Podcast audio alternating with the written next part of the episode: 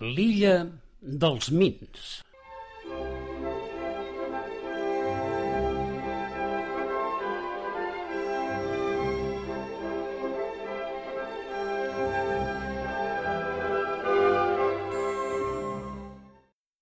Enmig de l'oceà Pacífic hi ha una illa ben especial.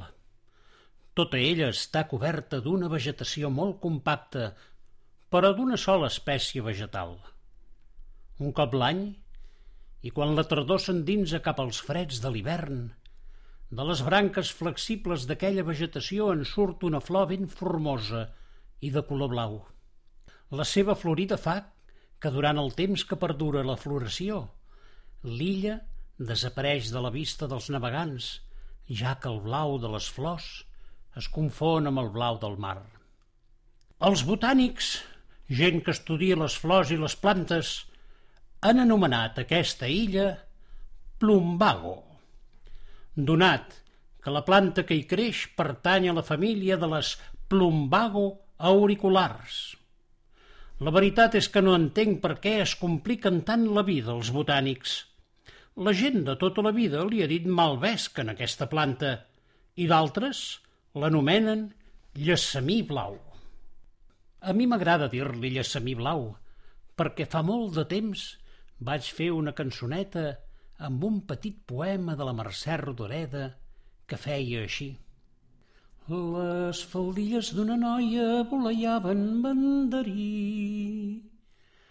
les faldilles d'una noia voleiaven banderí. Del color de l'aigua blava banderí. Del color de l'aigua blava banderí i amb olor de llesamí. Doncs bé, en aquesta illa hi viuen uns éssers molt diminuts que es diuen mins. I no és que sigui la tribu dels mins, sinó que tots es diuen de la mateixa manera. Mins. Quan passegen i es saluden es diuen «Què tal, Mins?» «Molt bé, Mins». «I què fa la Mins?» «Ha anat a buscar els fills». «Ja deuen ser grans». «Sí, i espavilats». «Quants anys té en Mins?» «Sis». «I la Mins?» «En farà quatre finals de l'hivern». Passi-ho bé, senyor Mins. Passi-ho bé, senyor Mins. I tan tranquils. Ara que el més extraordinari d'aquests éssers no és pas que tots es diguin Mins, sinó que caminen enrere. Per sort, els peus els tenen girats, que si no, ja m'agradaria veure'ls com aguantarien l'equilibri. Això de caminar enrere potser ho fa que tenen els ulls al clatell, o, o millor dit, l'ull al clatell, perquè només en tenen un d'ull. I em preguntareu, i què tenen a la cara? Doncs només el nas, això sí, un bon nas en lloc dels dos ulls i una boca ben grossa i riallera i a sota la boca la seva orella, perquè només en tenen una d'orella, i ben rodona que és. Els penja de la barbeta i gira a la dreta i a l'esquerra com un radar i quan dormen es plega com una persiana. Els mins, com veieu, són uns éssers ben especials i diminuts. Perquè us feu una idea, ben bé podrien cavalcar damunt d'un cargol i encara no arribarien de puntetes al terra. Els mins són feliços a la seva illa, que, per cert, ells no l'anomenen plombago, sinó... Ho endevineu? Just a la fusta. Illa dels mins.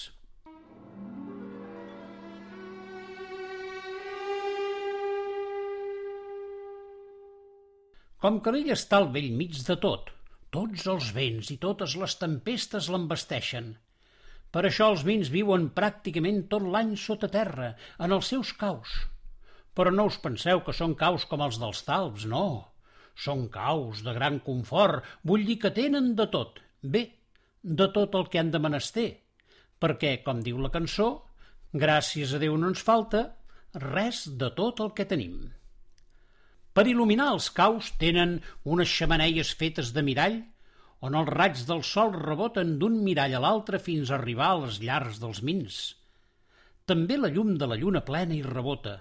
És aleshores que els mins surten de casa per passejar i parlar els uns amb els altres, perquè quan la lluna plena branda en el cel i ho il·lumina tot, vol dir que la mar és serena. I ara em preguntareu en què treballen els mins, de què viuen? Oh, és que no treballen i viuen de l'aire. I ara, els mins treballen, però només deu mins a l'any, que venen a ser deu dies. Això passa quan floreix el llesamí blau. Aleshores surten dels seus caus i recullen les flors. Ho fan posant-se unes alforges a banda i banda i engrapant flors amb les mans i posant-les a les alforges. Quan són ben plenes les alforges, les porten a un escampat lliure de vegetació i que és on fan totes les celebracions i festes introdueixen les flors dins un forat. Ve a ser com una gran sitja on les flors reposaran vint mins, que per entendre'ns equivalen a quinze dels nostres dies. Ep, no us embaleu. Ja sé que he dit que deu mins són deu dies i que, per tant, vint mins haurien de ser vint dies. Però és que a partir de deu mins, els mins compten els mins com a mitjos mins. M'heu entès?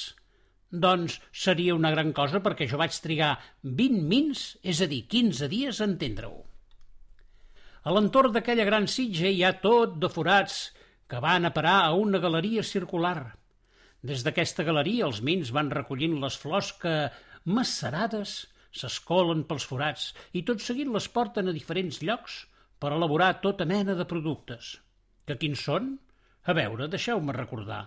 Fan teixits per a fer-se vestits, fan sopes i tota mena d'aliments, fan llet de llesamí i fins i tot fan farina de flor. Amb aquesta farina fan una mena de pans que els duren tot un any i sempre estan tendres. Se'n diu pa de llesamí. La primera cuita, però, no la fan per ells, sinó pels dofins, que són els seus grans amics. Un dia a l'any, quan ja tenen feta la primera cuita, es reparteixen al llarg de totes les platges de l'illa on els esperen els dofins. Aleshores els llencen els pans i aquests els recullen i se'ls mengen com una de les millors llaminadures que existeixen. Després, tots els dofins entonen una cançó mentre van giravoltant l'illa i els mins ballen contents.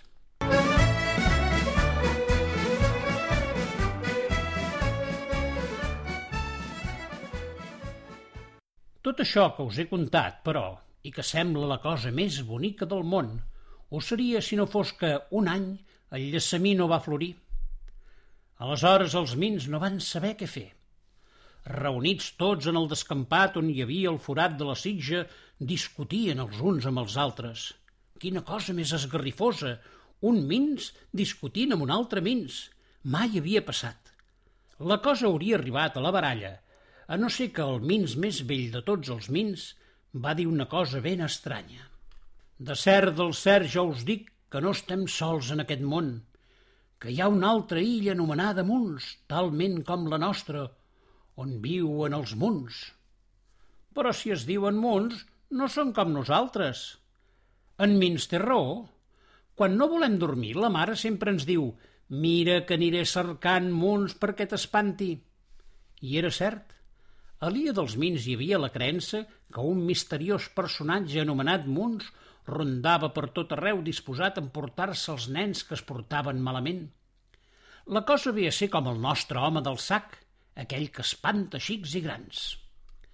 El vell Mins els va fer entendre que, a part d'aquella creença, la realitat era que no se sap ben bé on hi havia una altra illa com la seva on potser hi trobarien brots de malvesc per empaltar-los al seu malvesc perquè pogués tornar a florir el llesamí blau de l'illa dels Mins. Era cosa de vida o mort, perquè els Mins eren uns éssers que vivien al dia i poc pensaven en guardar res per si de casa anaven maldades. Maldades. Aquest era un mot que no havien sentit mai. Però qui sabia de l'illa dels Munts? Qui els podia donar referència? La resposta la tenien a tocar, els dofins, uns éssers que naveguen per tot el món, segur que han de saber on para aquesta illa. No van trigar a cridar els dofins amb un cor fet de pètals i llet seca i que feien servir cada any per cridar-los a la festa del pa de llesamí. Aviat fou feta la tria de quin dofí duria un dels mins a l'illa dels Munts. Però quin dels mins hi aniria? Tots hi volien anar, sobretot els més joves, però el vell Mins ho va resoldre amb un sorteig. I com creieu que va fer aquest sorteig? Doncs d'una manera ben especial. El vell Mins es va enfilar en una branca de malvesc. Tot seguit va agafar un manyoc de pètals i va dir que tots els que hi volguessin anar es posessin sota seu. Ell tiraria els pètals damunt dels candidats i aquell que se li posés un pètal al cap i si quedés, aquell seria l'elegit.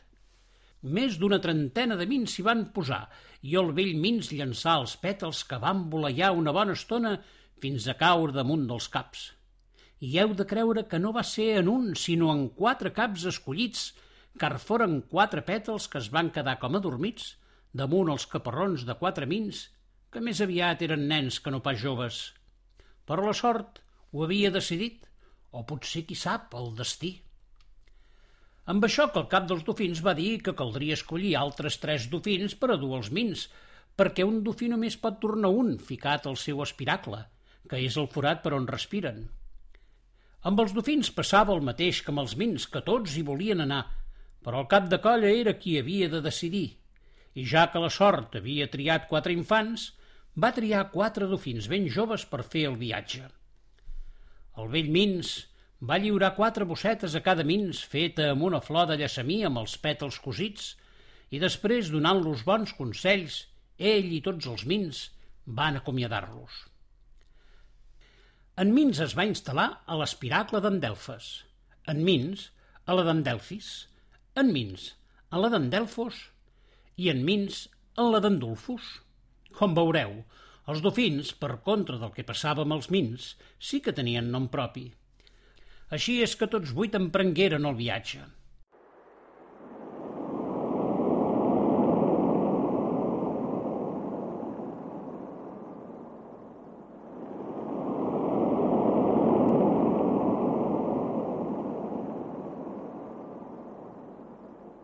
El primer incident que va passar va ser quan, de cop i volta, els dofins es van capbussar sense adonar-se que els mins no podien aguantar tanta estona sota l'aigua.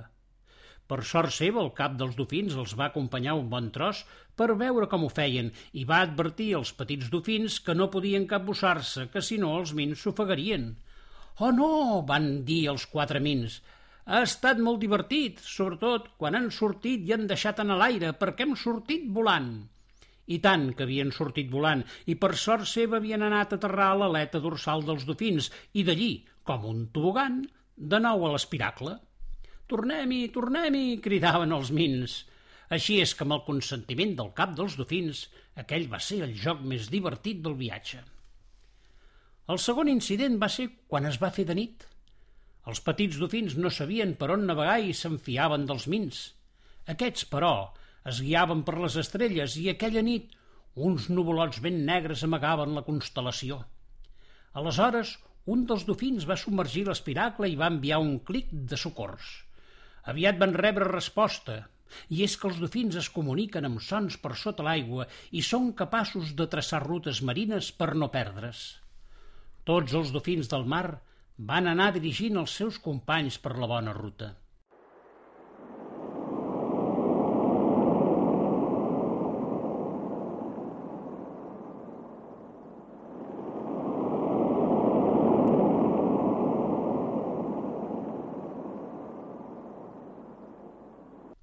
Ja portaven viatjant més de tres dies i els mins i els dofins estaven molt cansats.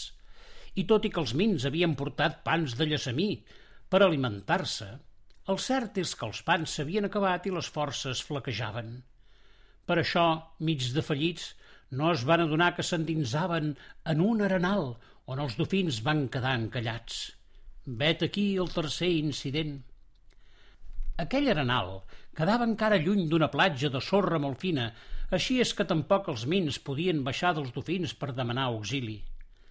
Els vuit es veien ben perduts quan de sobte van començar a aparèixer un munt d'embarcacions plenes de munts.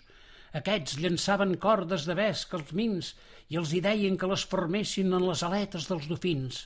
D'aquesta manera van poder-los arrossegar mar endins, salvant els dofins d'una mort segura. Un cop salvats, Els Munts van convidar els Mins a enfilar-se a les barques per anar a terra ferma. Els quatre petits Mins feien uns ulls com unes taronges. Els seus salvadors eren ben bé com ells, només que amb la pell més bruna. Pel de més, tenien els peus girats, l'ull al clatell, la nàpia al davant i l'orella penjant.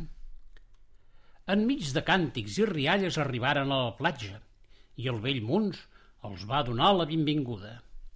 No cal dir que els Munts també estaven molt sorpresos per la presència dels Mins i només feien que preguntes per saber d'on venien i què eren. Aviat les presentacions foren fetes i uns i altres manifestaren que, del cert del cert, creien que uns i altres eren els homes del sac. Però no, eren mins i munts, i malgrat ser mins i munts, els munts eren com els mins i els mins eren com els munts. Tot seguit els mins van explicar la raó del seu viatge i els munts els oferien brots de malvès per empaltar la planta de la seva illa. Un amuns es va acostar als mins i els hi va preguntar si coneixien un tal Mins. I com no l'havien de conèixer? Era un Mins poeta que vivia a la seva illa. Aleshores Namunt els hi va dir que de feia molt de temps rebia poemes escrits damunt de pètals de llaçamí que venien flotant pel mar, i els va mostrar un bon fills de pètals, tots ells amb el seu poema imprès. Eren petits poemes, alguns d'ells fins i tot en clau d'endevinalla, com per exemple «Com una fletja llisca onades fent, i si et distreus no el pisques, puig barra vent», o altres de més amorosos. Si anem per la riba cosits de la mà, Ai, que el teu cor m'arriba com un huracà. Cap munt sabia el secret de Namuns i tots van quedar ben sorpresos d'aquella revelació. I més sorpresos van quedar quan Namuns va demanar al vell Mons permís per marxar amb els Mins a l'illa de Mins per conèixer a Mins el poeta. No cal dir que li va semblar molt bé, amb la condició que a partir d'ara es farien mútues visites per saber més coses els uns dels altres. A cada min se li va donar un brot de malvesc que guardaren amb molta cura dins les seves bossetes. Tot seguit, feren els preparatius perquè els mins tornessin a l'illa de Mins, no sense abans donar-los bons consells, com per exemple organitzar un rebost per si mai venien maldades. Maldades? Què és això de maldades? van preguntar els mins. És el que us ha passat, que us heu quedat sense flors i no teniu què menjar per anar passant i esperant la nova anyada. Aquí fa temps que ho vàrem aprendre, perquè també ens va passar. Per sort nostra, un vaixell havia embarrancat, tot ell carregat de queviures, un any que les flors de llesamí no van florir. D'aleshores que aquell vaixell és el nostre rebost i cada any hi guardem part del que elaborem. I aleshores els munts mostraren als mins aquell tros de cas d'un vaixell pirata que feien servir de rebost i totes les coses que hi tenien guardades. I el pa de llesamí, on el teniu? Pa de llesamí. Què és això? van preguntar els munts. Oh, és la cosa més saborosa que hi ha al món. Si voleu, us ensenyem a fer-lo. I com no havien de no voler? Així és que la partida es va posposar uns dies, i en Mins, en Mins, en Mins i en Mins, es van quedar per ensenyar-los-hi l'art de pastar pans de llesamí. I tots els mons van concloure que aquella menja era molt bona i que a partir d'aquell dia també farien pa de llesamí. Vet aquí com Mins i Mons havien intercanviat coses, i més coses encara que van intercanviar. Així va néixer una gran amistat entre aquells éssers diminuts que viuen en sengles illes, que quan ve la Florida desapareixen a la vista dels mariners, perquè el blau de les flors es confon amb el blau del mar. Potser us preguntareu què va passar amb Namuns i el poeta Mins. Ja us ho podeu imaginar. Es van ajuntar i van ser feliços i van passar-se tota la vida escrivint poemes en pètals de llesamí que dipositaven en el mar per enviar-los més enllà dels confins. Si mai en trobeu un de pètal amb un poema escrit, feu-m'ho saber de seguida, perquè jo n'he replegat molts i els tinc ben guardats en un llibre molt, molt especial que potser un dia o altre us llegiré.